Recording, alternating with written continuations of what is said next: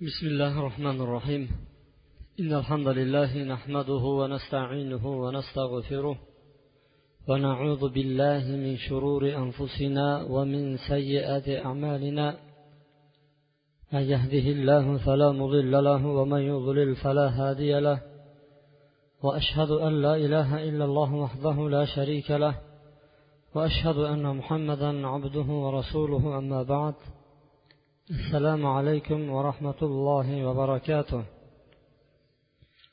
Alloh taologa hamda sano payg'ambar sollallohu alayhi vasallamga salovati durudlar bo'lsin.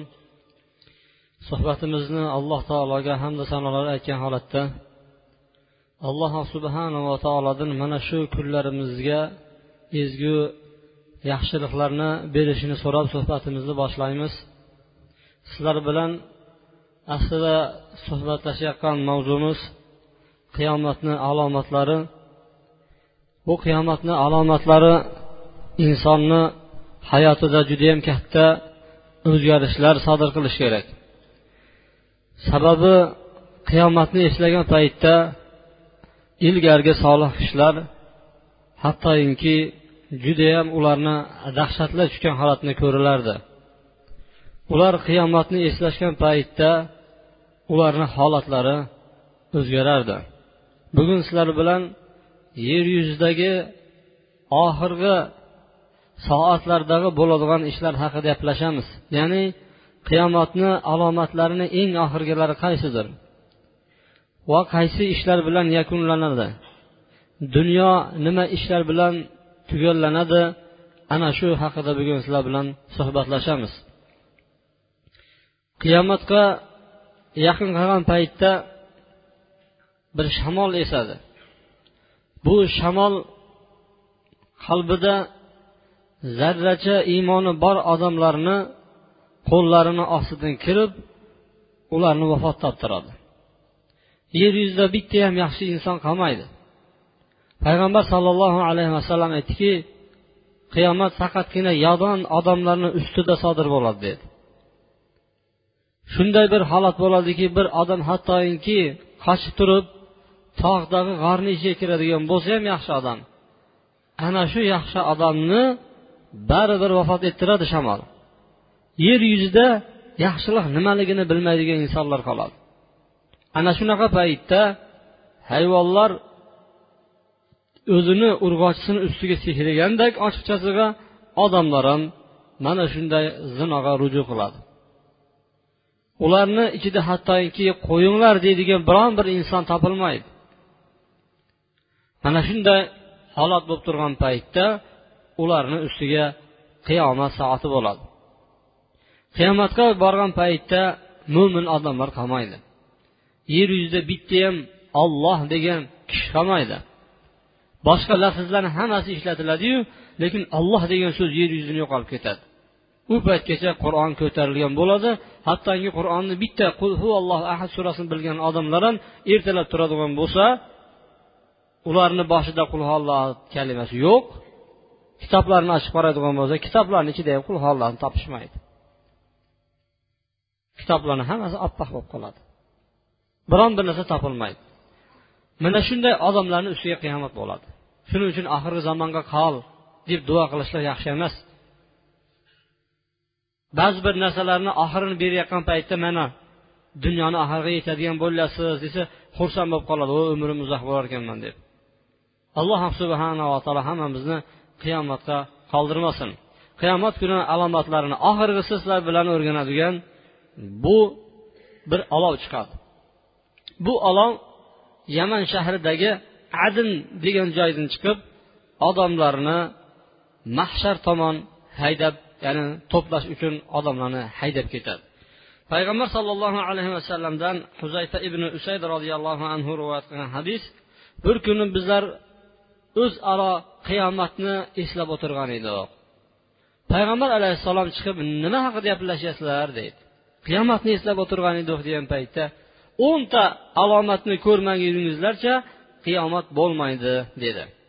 Va sanab sanab keldi tagin وآخر ذلك نار تخرج من اليمن تطرد الناس إلى محشرهم bularni ichidagi shu o'ntani ichidagi eng oxiri eng oxirgisi yaman tarafdan bir olov chiqadi tag'in bir o't chiqadi tag'in odamlarni mahsharga qarab turib ya'ni to'planadigan o'zini maydoniga qarab turib haydab ketadi dedi yana boshqa bir hadisda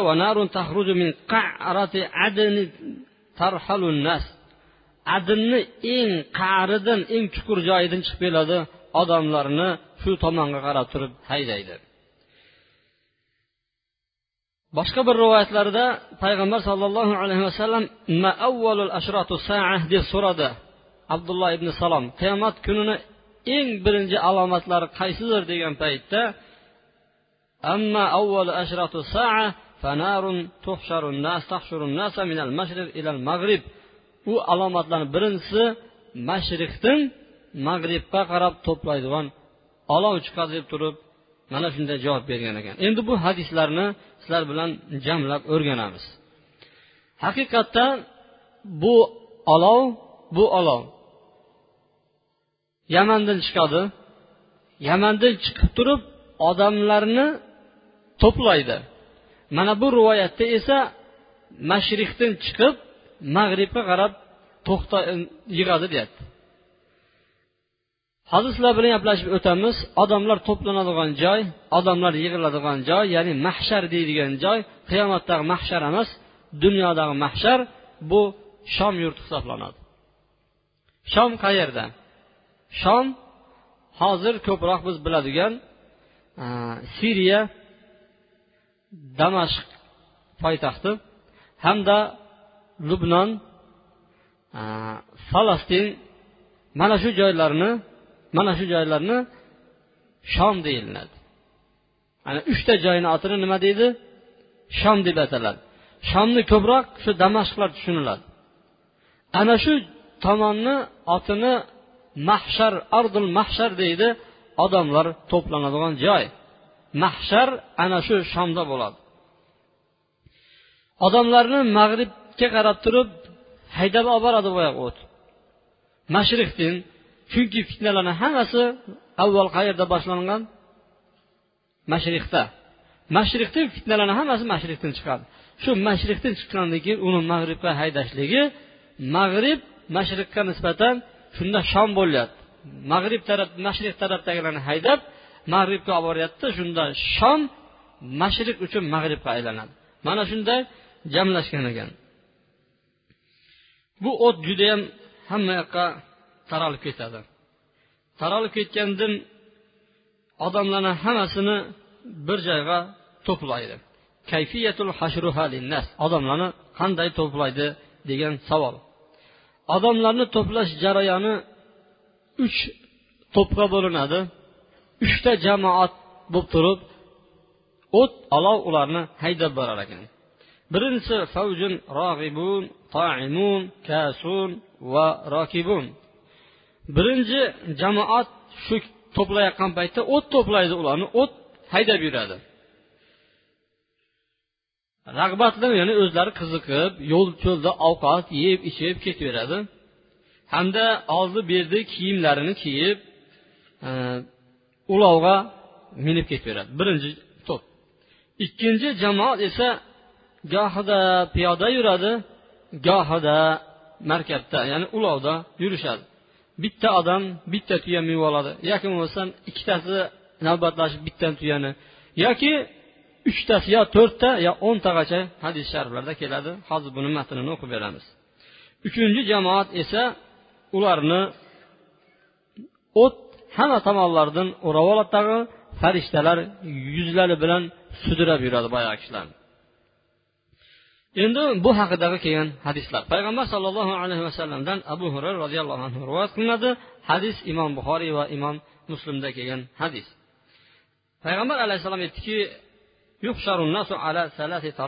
odamlar uchta yo'l uzra to'planadilar راغبين راهبين واثنان على البعير وثلاثة على البعير وأربعة على البعير وعشرة على البعير ويحشر بقيتهم النار تقيل معهم حيث قالوا وتبيت معهم حيث باتوا وتصبح معهم حيث أصبحوا وتمسي معهم حيث أمسوا payg'ambar alayhissalom aytyaptiki odamlar uch yo'l uzra to'planadilar birinchisi shularni rohibina va rohibin qiziqib hamda rag'batlanib hamda qo'rqqan holatlarida yuqorida aytganimiz ular kiyim ham kiyib ketaveradi yo'lda yeb ichib ham ketishaveradi ikkinchisi esa ular bitta tuya minib oladi ba'zilari.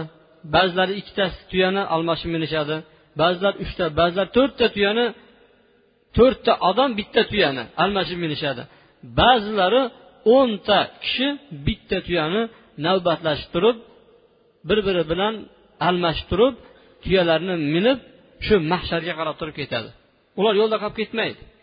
Chunki ular yo'lda qolib ketadigan bo'lsa mana bu hadisda hozir aytiladi ularni o't yondirib yuboraveradi o't hamma tomonidan o'rab kelavergandan keyin ular o'tni oldiga ushlab turib ketaveradi o't ularni mahshar tomon ya'ni shom tomon haydab boraveradi.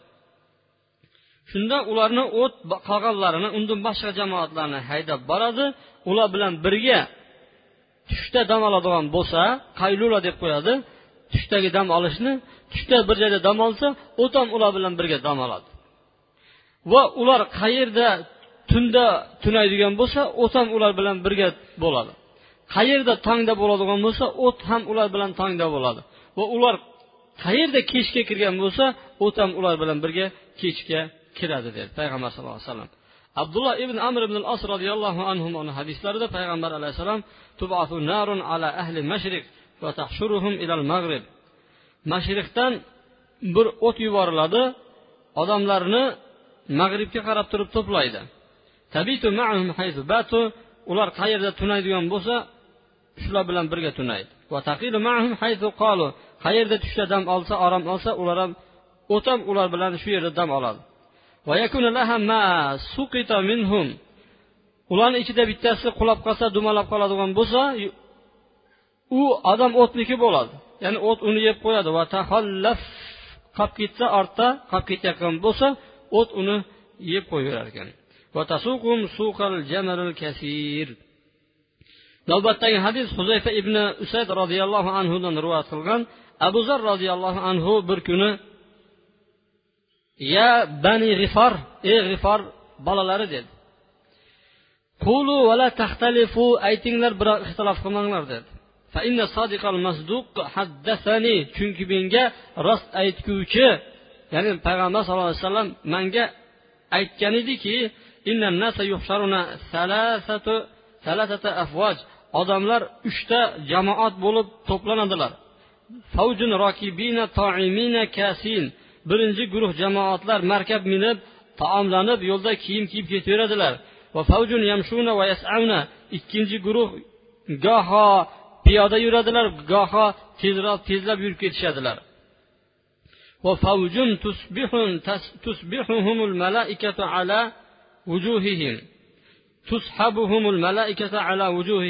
Uchinchi jamoat bor ularni farishtalar yuzlari bilan sudrab olib yuradi. Ularni shu o'tga qarab turib haydab boradilar. Shunda bir odam savol berdiki bu ikkitasini bildik. Biroq piyoda yuradigan hamda tez yuradiganlar kimdir deb savol bergan paytda aytdiki u kunda alloh taolo ulovga bir ofat yuborgan bo'ladi. Tuyalar ko'p bo'lmaydi u kunda. Ya'ni minadigan narsalar judayam oz bo'ladi. E'tibor berayotgan bo'lsangizlar ishlarni avvali qanday bo'lgan bo'lsa oxiri ham shu uslubda yakunlanadi. U paytda mashinalar qayerga ketib qoladi? U paytda samolyotlar qayerga ketib qoladi? Alloh subhanava taoloni qo'lidagi bu ish. Payg'ambar alayhissalom aytmadiki bir narsa bor shu chiqib ketaveradi uchib ketishaveradi deb aytmadi. Balki bu hadisda tuya deb zikr qilinyapti u kunda alloh taolo shu markab ulovga bir ofat yuborgan bo'ladi. Hattoki bir kishini rosayam bir ajablantiradigan bog'i bo'ladi. Judayam bir zo'r bog' ana shu bog'ini bitta qarib qolgan tuyaga almashtir desa tuyani egasi yo'q derkan. Bitta zo'r bog' ya'ni arablarda bog' deganda xurmozor tushuniladi. Sizni olma ekib qo'ygan bog'ingizni zo'r bog'i. Olmangiz to'rt yilda meva beradigan bo'lsa xurmoni meva berishini o'ttiz qirq yil kutishingiz kerak. Shundan keyin ichida dam ola bilasiz ekkan odam balki dam ololmasligi mumkin. Eng rosayam zo'r bog'ni aytarkanki bir qari tuyaga almashtirib beringchi man shu yoqqa ketishim kerak deydigan bo'lsa tuyani egasi yo'q buni sotmayman unchaqa dergan ya'ni shunchalik darajada qimmatlashib ketadi. Bu odamlarni to'playdigan joy mahshar qayer deydigan bo'lsa bu oxirgi zamonda bo'ladigan shom bo'ladi. Shom yuqorida aytib o'tdik sizlar bilan. Payg'ambar sollallohu alayhi vasallamdan ibn umar rivoyat qilgan hadisda payg'ambar alayhissalom o'tni chiqishini xabarini berdi. Shunda yo rasululloh bizlarga nimani buyurasiz hozir? deb aytgan paytda alaykum bisham sizlar shomga boringlar dedi. Shomda turinglar dedi shomni payg'ambar sollallohu alayhi vasallam boshqa hadislarda ham aytdiki ha huna tuhsharun ha huna tuhsharun ha huna tuhsharun deb qo'llar bilan ishora qilgan mana bu yoqqa qarab to'planasizlar mana bu joyga to'planasizlar mana bu joyga to'planasizlar deb turib qo'llari bilan shu sham tarafga ishora qilgan edi. Shom payg'ambarlar chiqqan joy. Shomni otini damashqni payg'ambarlar shahri deb ataladi. Ibrohim alayhissalom hijrat qilgan joy shom shom nihoyatda bir barakatli. Payg'ambar sollallohu alayhi vasallam duo qilgan shomga allohimma barik lana fi shamina degan. Ey ollohim bizni shomimizga baraka ber deb duo qilgan. Boshqa hadislarda fitnalar ko'paygan paytda iymon shomda bo'ladi degan. Shuning uchun shom shahri hozir amin shahar hisoblanadi. Iymon shomda deb payg'ambar sollallohu alayhi vasallam aytdi. Sahobalar so'ragan paytda nimaga buyurasiz degan paytda shomga degan. Fitnalar bo'lgan paytda inson shomga bo'lishi kerak ekan. Demak odamlar to'planadigan joy bu shom hisoblanar ekan. Hattoki bu o't mana hadislarni hammasini o'qib ham beravermaymiz ma'nosini aytib chiqamiz. O't hamma narsani to'playdi. Chumoli bo'lsin maymun bo'lsin shunga o'xshagan to'ng'iz bo'lsin nima bo'ladigan bo'lsa olov haydab ketaveradi shuni orasida odam ham ketaveradi boyagi uchta jamoat bo'lib turib ularni ichida jonivorlar ham ketaveradi. Nimaiki jonzot tirik bo'ladigan bo'lsa shuni haydab bir joyga to'playdi bir joyga yig'adi. Uni ichida qolib ketayotganlar yurolmayotganlar yo charchab qoladigan bo'ladigan bo'lsa olov ularni kuydirib tashlayveradi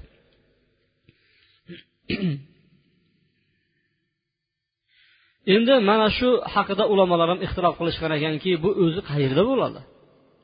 Dunyoda bo'ladimi yo oxiratda bo'ladimi? Oxiratdagi mahsharni eshitgan edik. Odamlar bir maydonga yig'iladi mahsharga degan joy bo'lardi mahshargoh deb qo'yadigan. Ana shu deb bilardik bizlar. Bu hadislarda chiqayotgani dunyoda deyilyapti deydigan bo'lsa mahshar ikkita. Birinchisi mana shu dunyoda odamlarning eng oxirini olov ana shu joyga to'playdi. Bu dunyodagi mahshar chunki payg'ambar sollallohu alayhi vasallam ularni sifatlarini aytib berdi. Lekin oxiratdagi mahsharda ular kiyim kiyib bemalol yerda e, yeb ichib tunab uxlab unaqa ketmaydi. Payg'ambar sollallohu alayhi vasallam aytdiki odamlar qiyomat kunida yalang'och qip yalang'och. Ustilarida kiyim yo'q yalang oyoq. Hattoki xatna qilgan joylari o'zini joyiga qaytib keladi erkaklarda. Ana shunday holatda tiriladilar dedi. Qiyomat kunidagi birinchi kiyim kiydiriladigan kishi ibrohim alayhissalom dedi.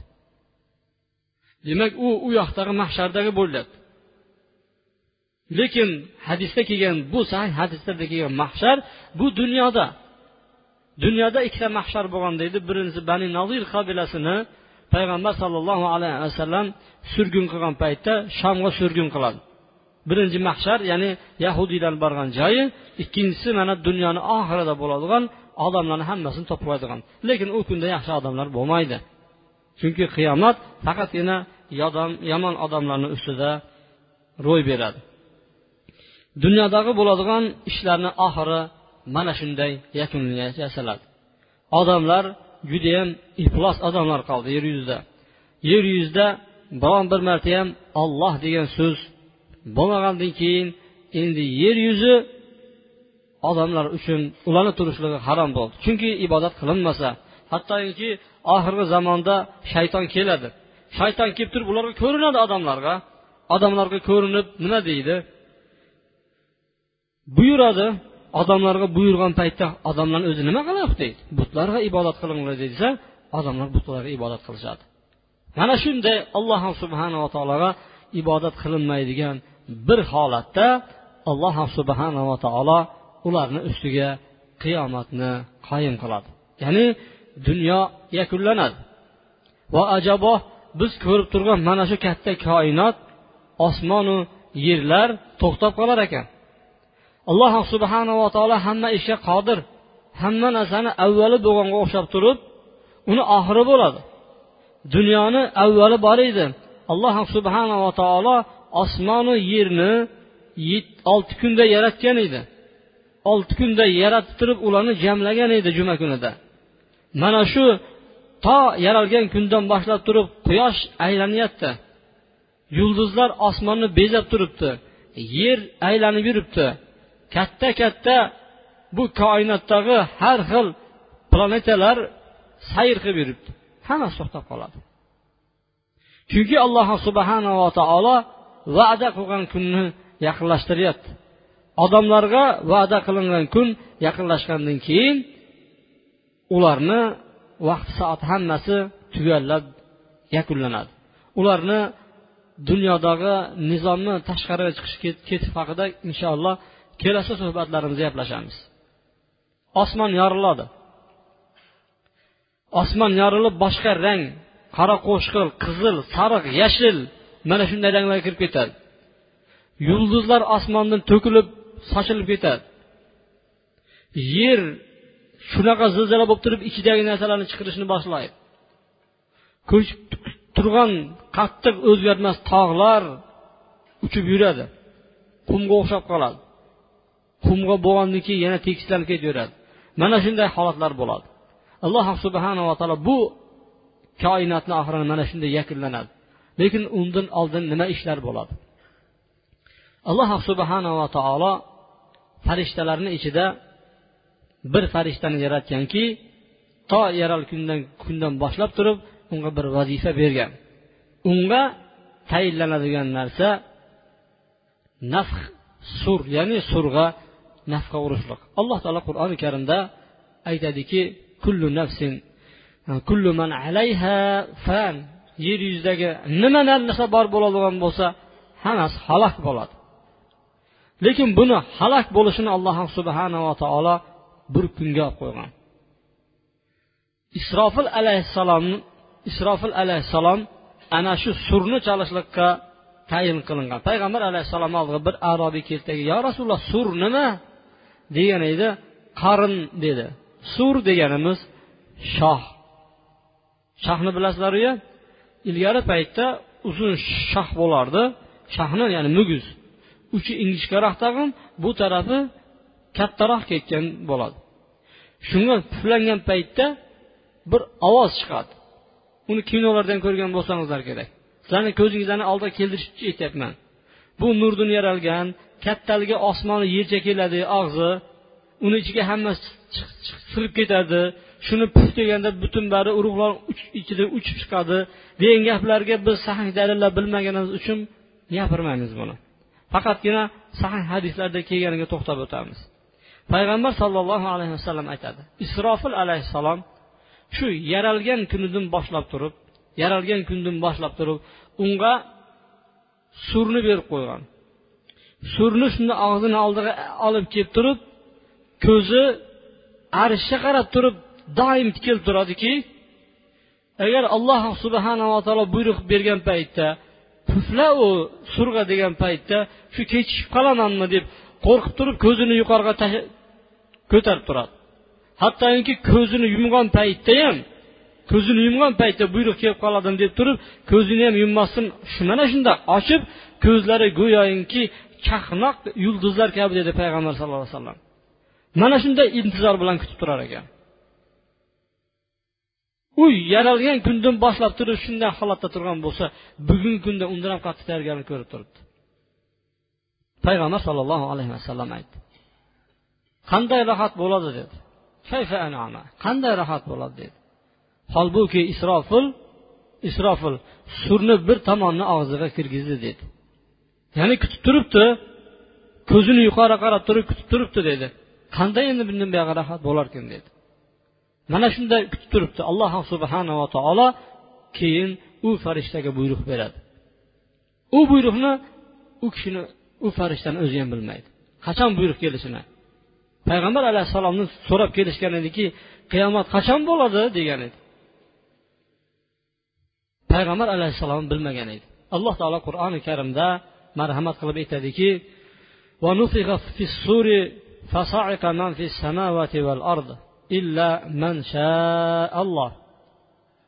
u kunda surg'a nafqa puflanadi dedi shunda osmonu yerdagi bor narsa halok bo'ladi o'ladi dedi faqatgina alloh subhanava taolo mustasno qilganlari qoladi dedi alloh taolo xohlaganlariga qoladi qolgan barcha narsa halok bo'ladi dedi yana bitta nafqaga urgan paytda keyin odamlar tirilib chiqib keladilar qabrlaridan.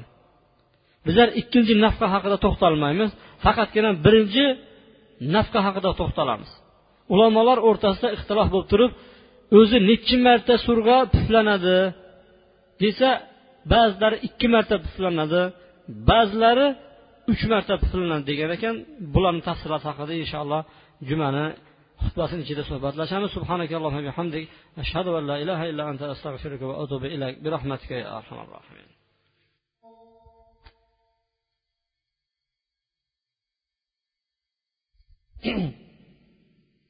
إن الحمد لله نحمده ونستعينه ونستغفره ونعوذ بالله من شرور أنفسنا ومن سيئات أعمالنا من يهديه الله فلا مضل له ومن يضلل فلا هادي له وأشهد أن لا إله إلا الله وحده لا شريك له وأشهد أن محمدا عبده ورسوله أما بعد ey allohni bandalari alloh subhanava taolodan hidoyat so'ranglar alloh taolo kimni to'g'ri yo'lga boshlagan bo'lsa uni hech kim adashtira olmaydi.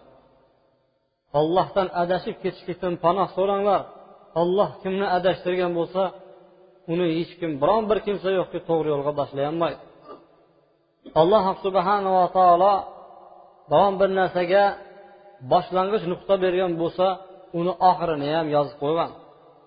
Xuddi dunyoni avvali boshlangani kabi dunyoni oxiri ham bor. Dunyoni oxiri surga nafqa urishlik bilan yakunlanadi. Bu sur nechi marta nafqa uriladi degan savolga ko'proq ulamolar ikki marta surga nafqa uriladi birinchisi birinchi surga nafqa urgan paytda hamma odam halok bo'ladi. Judayam katta qichqiriqni eshitgansizlar. Qulog'ingiz tagida bir narsa jaranglagan paytda yuragingizlar bir ko'tarilib tushgan. U kunda isrofil alayhissalom shunday bir chaladiki shunday bir surga nafqa uradiki odamni a'zoyi badallari tilka qora bo'lib ketadi. Uni eshitgan biron bir nafas olib turgan nima bo'ladigan bo'lsa hamma narsa halok bo'ladi. Buni qichqirig'ini dahshatini kuchligidan hech kim qolmaydi yer yuzida. Ana undan keyin biron bir tirik jonzot qolmagandan keyin ikkinchi bor surg'anaq uriladi buni o'rtasida biroz bir voqealar bo'ladi. Uni inshaalloh kelasi jumalarimizda suhbatlashamiz. Ikki surni o'rtasida qirq bor dedi abu hurayra. Qirq yilmi degan edi bosh tortdim dedi. Qirq oymi degan edi bosh tortdim undoq deyishdian dedi. qirq kunmi degan edi bosh tortdim deydi. Abu hurayrani bosh tortganligini sababi nimadir? Uni esdan chiqarib qo'ygan desa ba'zilari ba'zilari yo'q alloh subhanava taologa ma'lum. U haqida abu hurayraga xabar berilmagan edi shuning uchun u aniq kesib aytolmadi deydi. Ikkinchi bor surga nafqa urilgan paytda hamma narsa boshqadan tiriladi. Shu paytda o'lgan odamlar faqat oxirgi zamonda o'lgan odamlar emas balki odam alayhissalomgacha bo'lgan odamlarni hammasi hayvoniyu hasharotiyu boshqalardan tiriladi. Hammalari tiriladidagin endi ular boshqa bir mahsharga yig'iladi. Bularni tafsiloti bilan kelasi safarslar bilan suhbatlashamiz. Inshaalloh. Va ba'zi ulamolarni so'zlariga ko'ra xususan shayxul islom ibn taymiya rahimaulloh aytadiki surga nafqa urishlik uch marta bo'ladi degan.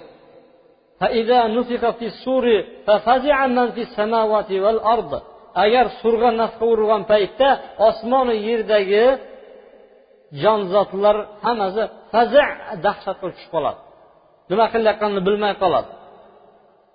Va ikkinchi bor urilgan paytda esa halok bo'lishadi. Uchinchi bor surga nafqa urilgandan keyin ular qayta tirilib chiqib keladilar deydi. Bu kunlar nihoyatda og'ir kunlar. Alloh subhanava taolo shu kunlargacha amal qilib olishlikqa bizga buyurgan. Mana shu kunlar kelib qolmasdan oldin ibodatlaringizni to'liq qilinglar mana shu kunlar kelmasdan oldin allohga qurbat hosil qilinglar. Alloh taolo qur'oni karimda marhamat qilib aytadiki ya ayyuhallazina amanu anfiqu mimma razaqnakum min qabli an ya'ti yawmun la fihi khullatun va la shafa'a. Ey iymon keltirgan kishilar olloh sizlarga rizq qilib bergan narsalardan infoq ehson qilinglarki bir kun kelmasdan oldin. U kunda oldi berdi qilolmaysizlar. U kunda oshna og'aynachilik bo'lmaydigan bir kundan oldin infoq ehson qilinglar deydi. Boshqa oyatlarda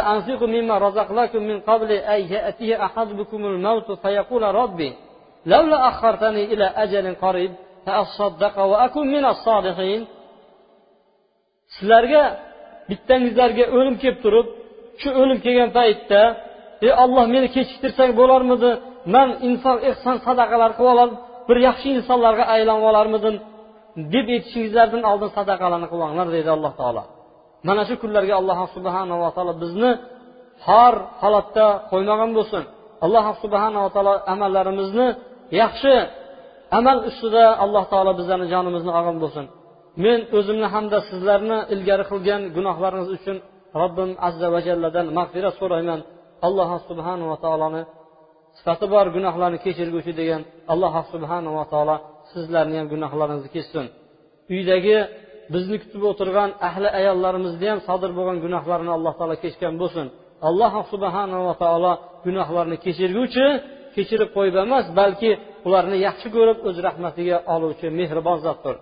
Barakallohu li va lakum في القرآن العظيم ونفعني بما فيه من الآيات والذكر الحكيم وتاب علي وعليكم إنه هو التواب الرحيم.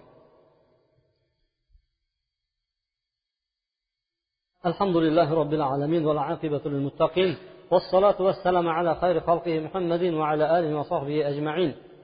اللهم صل وسلم وبارك على محمد وعلى آل محمد كما صليت على إبراهيم وعلى آل إبراهيم في العالمين إنك حميد مجيد. وارض اللهم خلفاء الراشدين المهديين أبي بكر وعمر وعثمان وعلي وعن بقية صحابة أجمعين. وارحمنا معهم واحشرنا منهم برحمتك.